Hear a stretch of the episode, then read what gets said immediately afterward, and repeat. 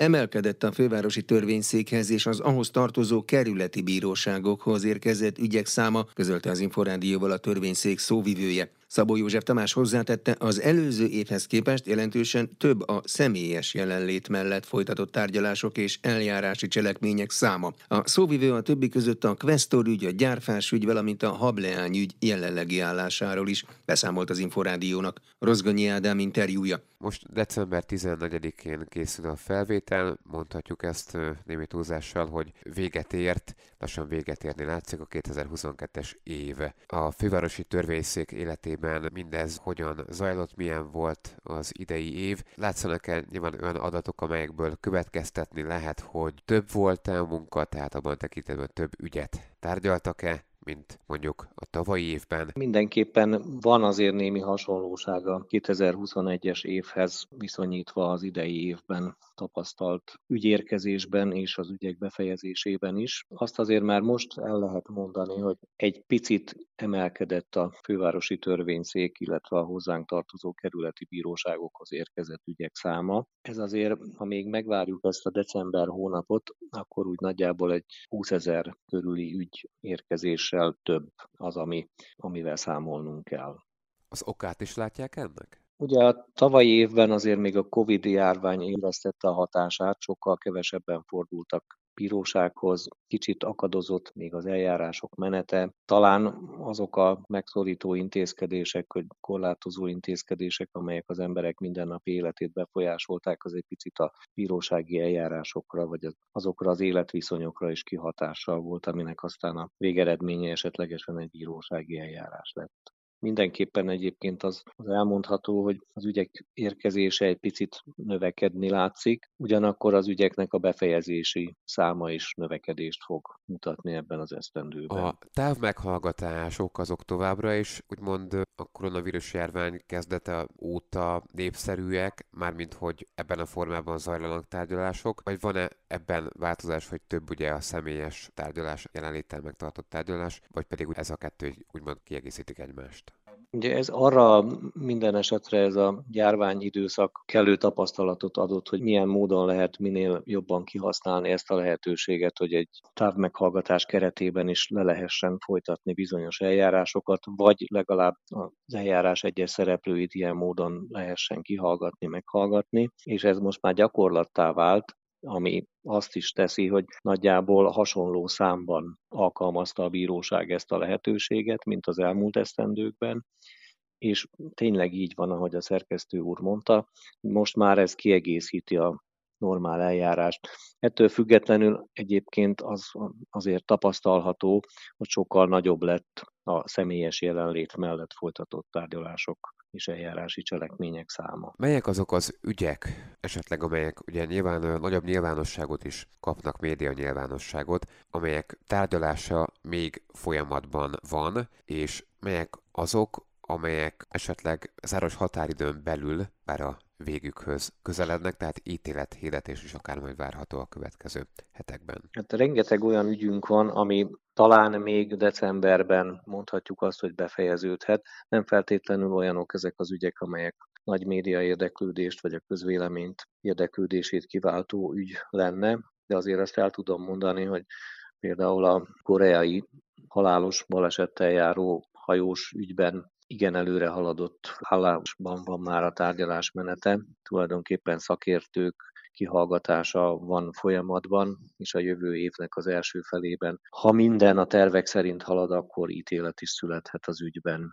Akkor azt is el tudom mondani, hogy az Alstom ügyben keletkezett vesztegetés büntette miatt indult eljárásban is a tanúk kihallgatása van folyamatban egészen addig, amíg a két ünnep közötti ítélkezési szünetben nem áll itt a bíróságok életében, és azt követően további tanúk kihallgatásával folytatódik. Ez az ügy is tulajdonképpen úgy gondoljuk, hogy a jövő év első felében befejeződhet. Polgári peres ügyekben ugye még a Viking hajóbalesettel összefüggésben sérelemdíj iránti kereseti kérelmek elbírálása van folyamatban. Ez az ügy is úgy áll, tulajdonképpen, hogy mondhatjuk, hogy a jövő évben mindenképpen ítélet várható, legalábbis elsőfokú ítélet az ügyben.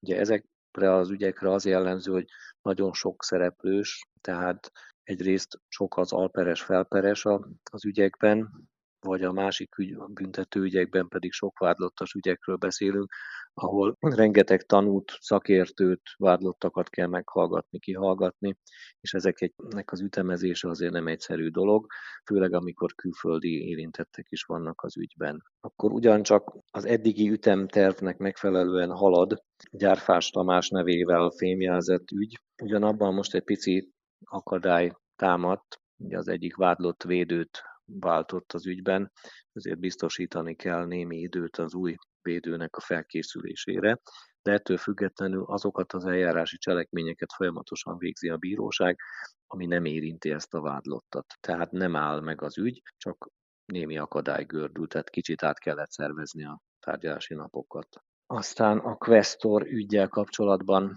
is azt tudom mondani, hogy ugye az év közben történt egy bíróváltás, kollégánk felkerült egy magasabb szintű bíróságra, és ezért át kellett szignálni egy új bíróra ezt az ügyet.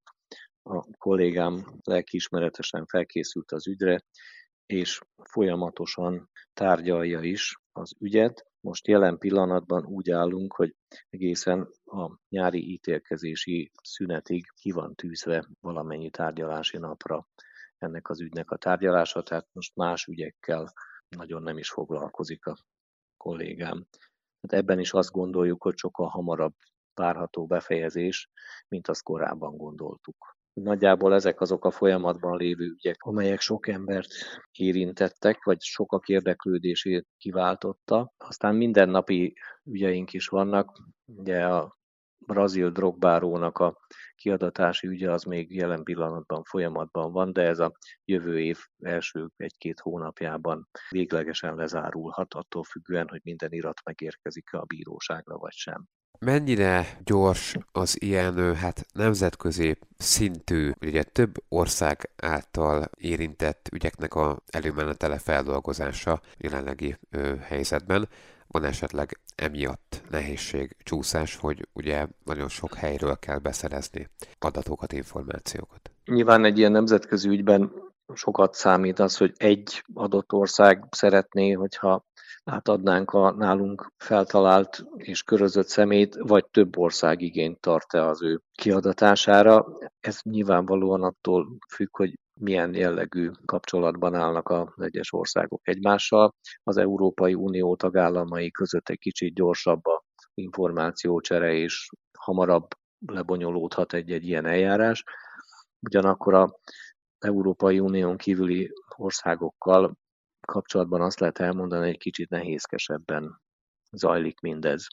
Sokszor kell a bíróságnak megkeresni a igazságügyi minisztériumon keresztül a másik állam igazságügyi hatóságait annak érdekében, hogy minden irat a rendelkezésünkre álljon, és meg tudjuk hozni a döntést. Beszélhetünk arról, amit a szerkesztő úr kérdezett, hogy egyébként pedig voltak-e olyan ügyek, amelyek nagy érdeklődést váltottak és befejeződtek. Hát ugye elsősorban említhetjük a VV Fanni csíremére elkövetett emberöléses ügyet, amelyben befejeződött a eljárás a fővárosi törvényszéken. Ugyancsak ebben az évben sikerült befejezni a Hunnia ügyként elhíresült büntetőügyet is, amely jelenleg talán már lassan elbírálásra rákerül a másodfokú eljárás során is. Ugyancsak ebben az évben sikerült befejezni a nemzetközi sportfogadási csalással vádolt férfiak ügyét, ez is egy nagy horderejű ügy volt.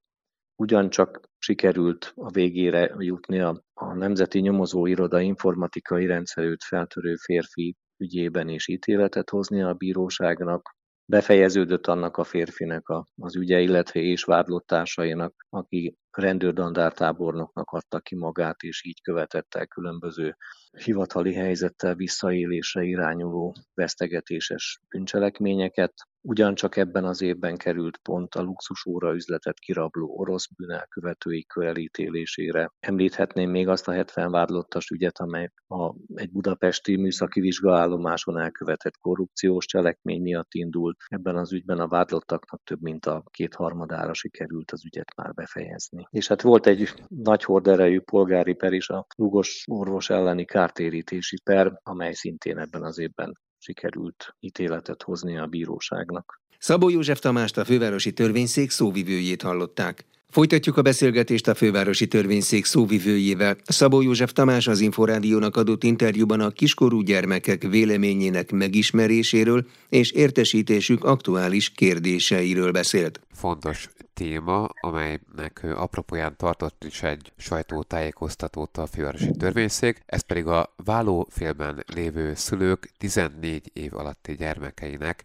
értesítése a bíróságok által, hogy ugye ők is, mint érintettek, elmondhatják a véleményüket erről, szüleik vállásáról, persze, ha akarják. Mondhatjuk azt, hogy kicsit a közvéleményben, vagy a nagyobb nyilvánosságot kapott ügyek közé, vagy témák közé tartozik ez is, de hogy alapvetően milyennek a hát értesítési gyakorlatnak a lényege, mechanizmusnak a lényege, és hogy miben gyökerezik is ez, talán ezt érdemes még egyszer tisztázni. Igen, ez az elején nagy vitát váltott ki, és többekben felháborodást keltett, hogy a bíróságok szeretnék meghallgatni a kiskorúakat egy-egy ilyen vállóperben, vagy, vagy azokban az ügyekben, amelyekben a gyermekek elhelyezéséről szülői felügyeleti joggyakorlása körében kell döntést hoznia a bíróságnak.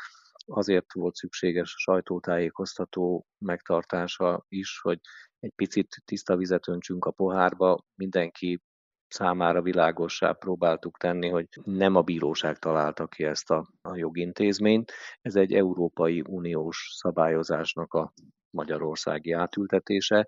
Augusztus 1-től kellett ezt bevezetni minden uniós tagállamban, tehát nem csak nálunk, hanem valamennyi tagállam számára ez kötelezővé lett téve. De nem a gyermekek meghallgatása, hanem az az értesítés, hogy nekik lehetőségük van arra, hogy a bíróság előtt a véleményüket amennyiben az ítélő képességük birtokában vannak, ezt elmondhassák. Ugye főszabályként az a menete egy ilyen értesítésnek, hogy a szülőknek, mindkét szülőnek a bíróság elküldi, illetve a írni-olvasni tudó, tehát életkora alapján azt feltételezzük, hogy már írni-olvasni tud a gyermek, akkor az ő nevére is megcímezzük ezt a tájékoztató levelet, amiben arról tájékoztatja a bíróság az érintettet, nem csak őt, hanem a feleket is, tehát a szülőket, hogy a gyerek kap egy ilyen levelet, tehát a szülők ezt fogják értesítésként megkapni, amelyben felhívja a bíróság a figyelmet, hogy lehetősége van most már adott esetben, hogyha szeretne élni ezzel a lehetőséggel, a bíróság előtt elmondani a véleményét.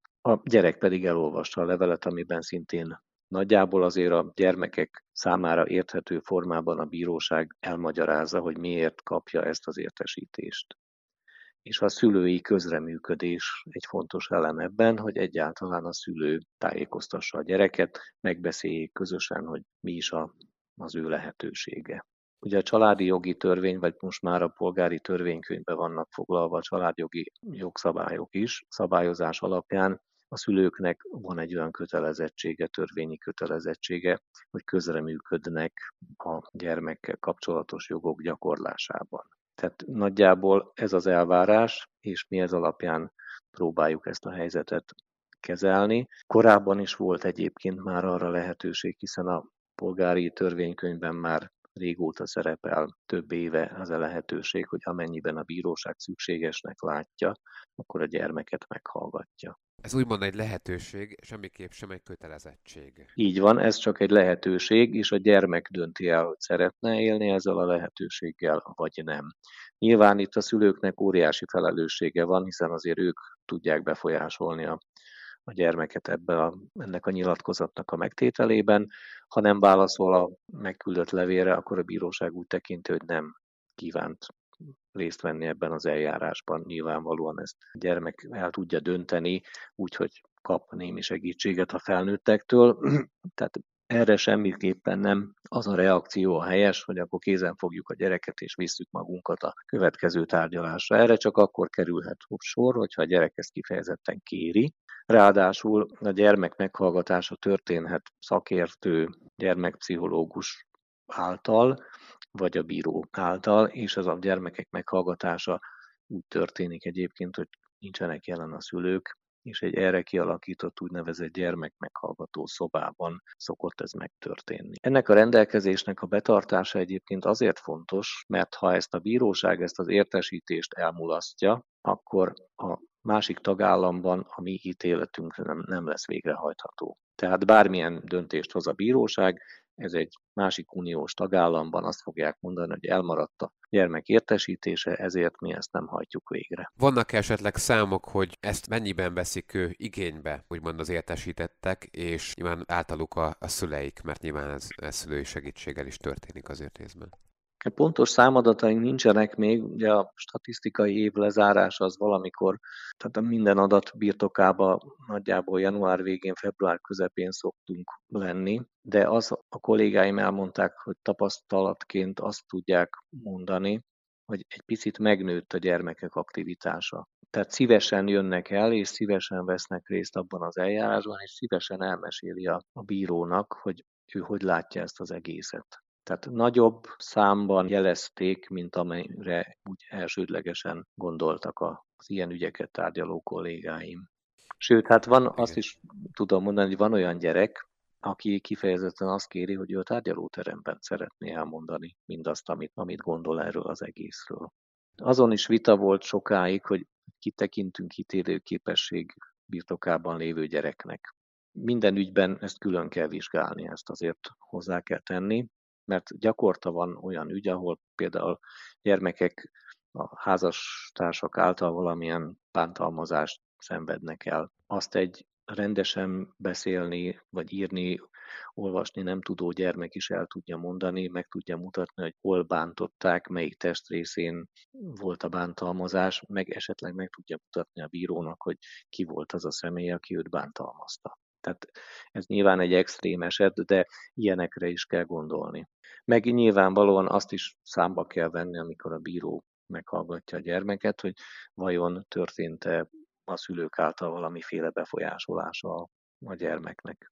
Igen, hát nyilván ez több kérdést vet fel még, amelyek nyilván a gyakorlat által tisztázódhatnak, vagy válhatnak egyértelműbbé. Így van. Egyébként évek óta folyik a családjogi bírák ilyenfajta képzése, hogy amikor gyermekeket kell meghallgatni, akkor milyen jelekből lehet esetleg arra következtetni, hogy befolyásolta valamelyik szülő a gyereket. Egyáltalán úgy mondja el mindazt, amit kérdeznek tőle, ahogy az a valóságban lezajlott. Még egy nagyon fontos dolog, hogy azt sosem szokta megkérdezni a családjogi bíró a gyermek meghallgatásakor a gyerektől, hogy kivel szeretne élni a jövőben. Tehát mi a gyereket szeretnénk megismerni, az a célja a meghallgatásnak, hogy róla kapjunk egy minél tisztább képet, hiszen róla fogunk dönteni.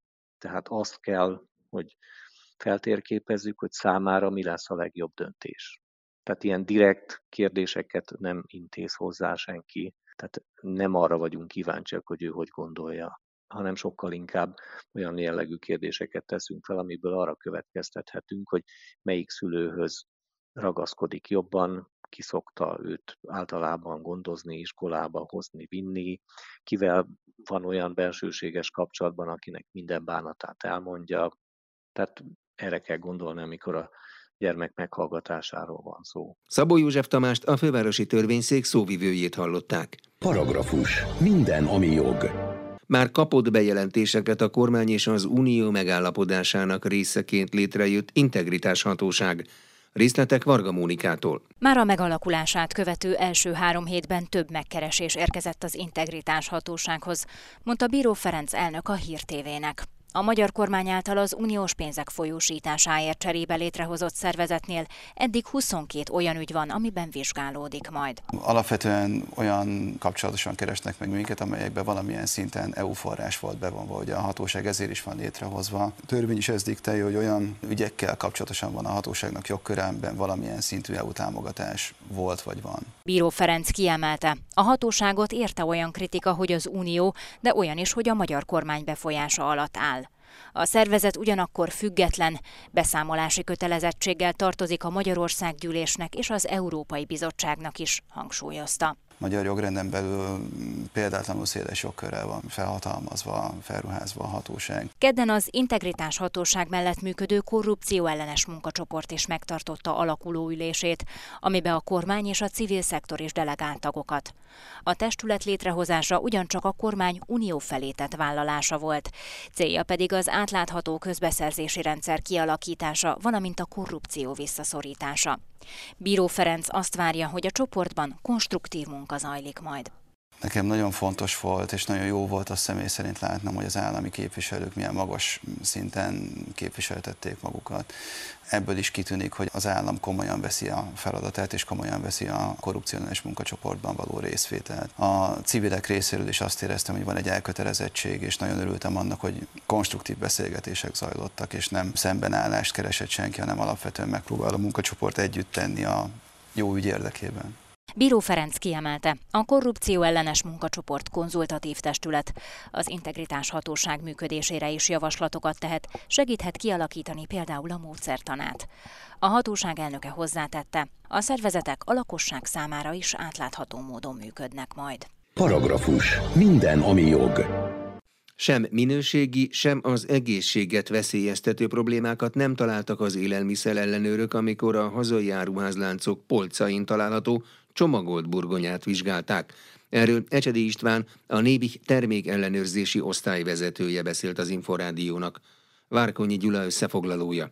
Az ellenőröket is meglepte, hogy milyen jó minőségűek a magyarországi bolthálózatokban kapható csomagolt burgonyák. Ecsedi Istvánt a Nemzeti Élelmiszerlánc Biztonsági Hivatal termék ellenőrzési osztályvezetőjét hallják. Több ezer vizsgálat készült, mert nem csak peszticideket néztünk a burgonyában, hanem azt is néztük, hogy GMO-mentes legyen, azt is néztük, hogy ne legyenek rajta esetleg penész spórák, azt is néztük, hogy ne legyenek olyan növényi kórokozók, amelyek egyébként növényegészségügyi problémákat okozhatnak. A boltokban tehát nem találtak minőségi problémákat, de az ellenőrök korábban a nem megfelelő tárolás miatt sok kellemetlen tapasztalatot szereztek. Például, hogyha olyan helyen vásárolunk, ahol nagyon sokáig van kint a fényen a burgonya, akkor a fény hatására elkezd bezöldülni a szolani nevű anyagot termel ugye a burgonyába fény hatására. Az például kifejezetten keserű, rossz ízű, akár hányingert, rosszul élet is okozhat. Tehát azért érdemesebb mindenképpen olyan kontrollált környezetből vásárolni, ahol ugye szakszerűen tárolják sötétben, hűvösben, esetben ez például egyfajta veszély. A másik veszély az inkább a pénztárcánkat veszélyezteti, hiszen hogyha olyan rossz minőségű burgonyát veszünk, akár fagyott, vagy nem olyan termelőtől származik, akkor ugye maga a tisztítási veszteség olyan mértékeket ölhet, hogy akár a felét is kidobhatjuk. A vizsgált burgonyák fele magyar földeken termett, de azokat még a szakemberek sem tudták megkülönböztetni a külföldi krumplitól. Az egész történetben az a szomorú, hogy Magyarországon nagyon visszaszorul a burgonya termesztés. Ennek részben klimatikus, részben pedig anyagi okai vannak, hogy egyszer nem éri meg termelni. Egyébként úgy nem tudnánk megmondani, hogy mi a különbség. Az nyilván nem tesz neki jót, hogy sokat utazik, de ezt leszámítva nem tudnánk minőségben olyan nagy különbséget tenni a magyar, illetve a nem magyar burgonya között. A Nébih termék ellenőrzési osztályvezetője azonban hangsúlyozta, hogy csak megbízható helyről és a megfelelő információkkal ellátott csomagolt burgonyát érdemes vásárolni vásárolni. Hibásan számította a teljes hiteldíjmutatót és a THM plafont meghaladva hitelezett 7 kézizálók hitelezéssel foglalkozó piaci szereplő, ez derült ki a Magyar Nemzeti Bank vizsgálatából. A jegybank ezért 55 millió forint bírságot szabott ki, és kötelezte a társaságokat a hibák kiavítására, tájékoztatta az Inforádiót az MNB felügyeleti szóvivő helyettese. Nádra Ildikóval Sipos Ildikó beszélt. A Magyar Nemzeti Bank témavizsgálatot végzett a BÁF pénzügyi szolgáltató ZRT-nél, az Állog és Hitel ZRT-nél, a Vajd az Állog ZRT-nél, a Perun ZRT-nél, az Uránia ZRT-nél, az Unifinanz ZRT-nél és a Corner Hitel ZRT-nél. A vizsgálat feltárta, hogy egyik társaság sem tartotta be maradéktalanul a jogszabályi előírásokat, a THM értékének meghatározása és annak felső korlátja alkalmazása során. Ennek következtében számos lakossági ügyfelüknek a THM felső korlátját meghaladó hiteldíjjal nyújtottak kézizáló kölcsönt. Az érintett fogyasztók egyrésztről nem kaptak pontos tájékoztatást az állókölcsön igénybevétele esetén az, az előtt az őket terhelő fizetési kötelezettségről, továbbá még az is rejtve maradt előttük, hogy a jogszabályban rögzített felső mértéket meghaladó THM mellett vették igénybe a pénzügyi szolgáltatást. Ez miért lehet problémás az ügyfelekre nézve?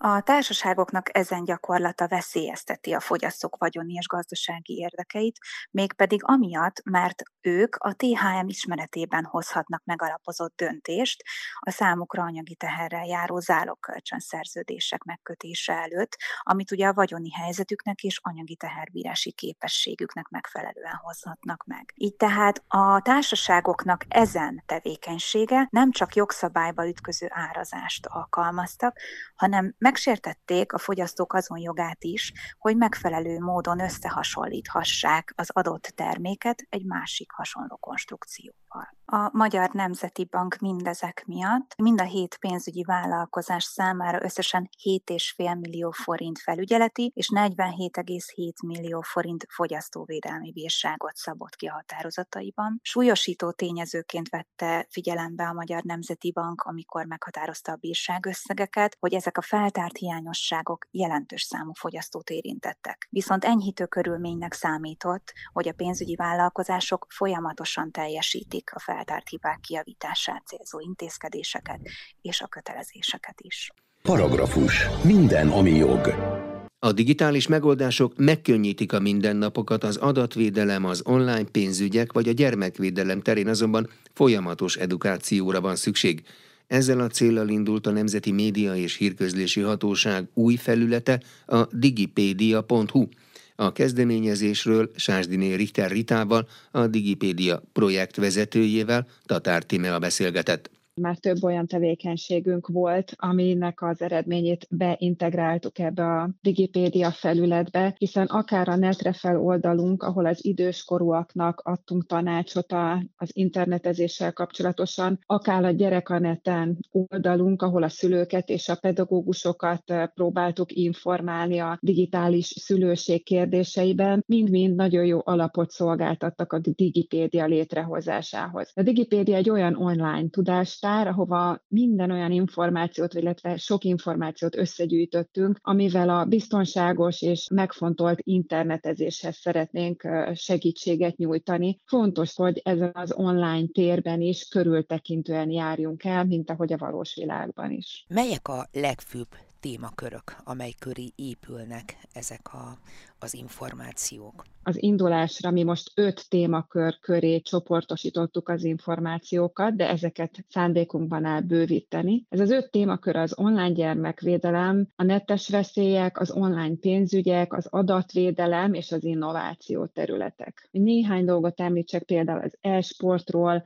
a streaming szolgáltatásokról, mesterséges intelligenciáról, robotikáról, vagy akár az 5G-ről is nagyon sok érdekességet lehet megtudni, ami én azt gondolom, hogy bárki számára izgalmas lehet. Viszont, hogyha a mindennapi életről gondolkodunk, akkor például az online pénzügyek is egy nagyon érdekes témakör. Itt vagyunk hamarosan a karácsony elé érkezünk. Sokan a mai napon is, vagy ezekben az időszakban online vásárolják meg az ajándékokat, és ezzel kapcsolatosan is nagyon sok hasznos tartalom található ezen az oldalon. Tehát érdemes megvizsgálni mindig egy terméket kínáló weboldalt, nézzük meg az üzemeltetőjét, hogyha problémánk van, akkor például van-e olyan hely, ahova fordulhatunk majd, lehet-e reklamálni, milyen lehetőségeink vannak elérni a kereskedőt. Ez mindig egy nagyon fontos dolog egyébként, hogy be tudjuk azonosítani a, a másik felet. Nagyon izgalmas az adatvédelem kategória is, az, hogy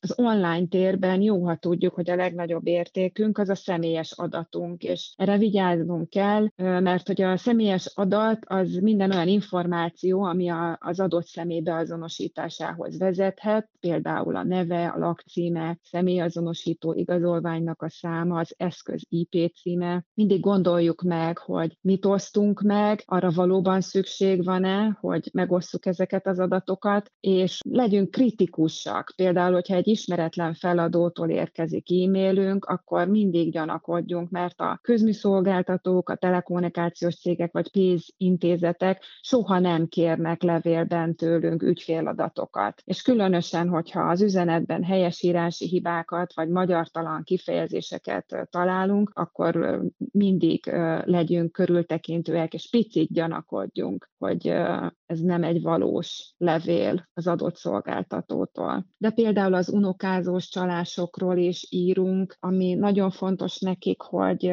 mindig legyen egy kis kritikai gondolkodás, hogyha ismeretlen telefonszámról, ismeretlen közösségi felületről egy ismeretlen keresi meg őket, akkor tudom, hogy nagyon ijesztő, amikor azzal találják meg az embert, hogy valamelyik szerette bajba került, de hogy egy pillanatra mindig álljanak meg, és nyugodjanak meg, és gondolják át ezt, hogy mennyire valószínű, hogy ilyen formában kereste volna őket meg bárki, és először egy családtagon keresztül próbálják meg ennek a valóságtartalmát leellenőrizni, ahelyett, hogy azonnal fizetnének, ahogy ezek az unokázós csalások működnek egyébként. Milyen korosztályt céloznak meg? Inkább a szülőket, nagyszülőket, vagy azért ez a fiataloknak is ugyanúgy szól? Hát mi abban reménykedünk, hogy minden korosztályt meg tudunk szólítani, mert a, a szülőket például az online gyermekvédelemmel kapcsolatos cikkekben található tartalmak érdekelhetik, ugyanakkor szerintem ez a nagyszülőket is egyébként, ők is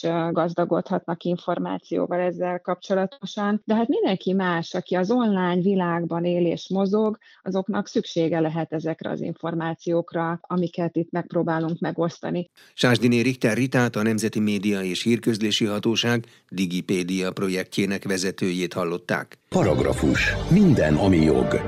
Jogi magazinnal legközelebb egy hét múlva jelentkezünk. Munkatársam Rozgonyi Ádám nevében is köszönöm figyelmüket, Nexterde Tibor vagyok.